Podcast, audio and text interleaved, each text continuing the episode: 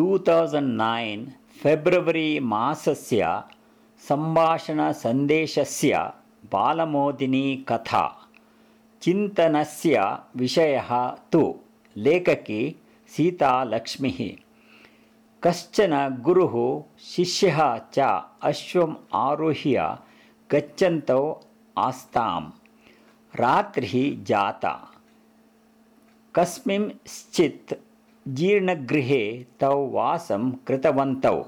गुरुः उक्तवान् अहं निद्रां करोमि अश्वः वृक्षे बद्धः अस्ति। भवान् तं रक्षतु इति। निद्रानिवारणार्थं मया किं करणीयम्?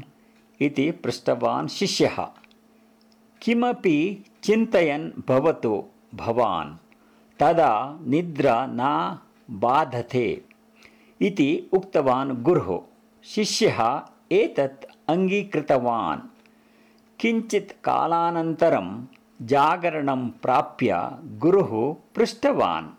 शिष्य किम् अधिकृत्य चिन्तयन् अस्ति भवान् इति।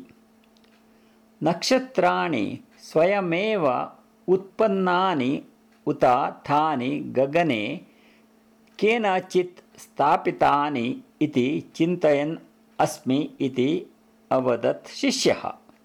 गुरुः पुनरपि निद्रामग्नः जातः। द्वित्रयघण्टानन्तरं तेन जागरणं प्राप्तं।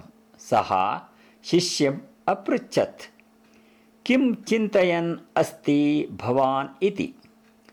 समुद्रजलं स्वयमेव लवणमयं जातम् उत कोऽपि समुद्रे लवणं योजितवान् इति चिन्तयन् अस्मि इति उक्तवान् शिष्यः। गुरुः तृप्त्या पुनः निद्राम् अकरोत्।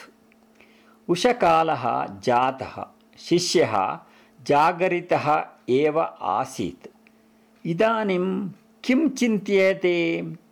भवता इति अपृच्छत् गुरुः गुरुवर्य वृक्षे बद्धः अश्वः न दृश्यते। सः स्वयमेव बन्ध बन्धनात् मुक्तः जातः। उत कोऽपि तम् उन्मोच्य नीतवान् स्तात् इति चिन्तयन् अस्मि इति अवदत् शिष्यः। शिष्यस्य अविवेकं दृष्ट्वा हसनीयम् उत विषादः प्रकटनीयः इति अजानन् गुरुः मौनम् आश्रितवान्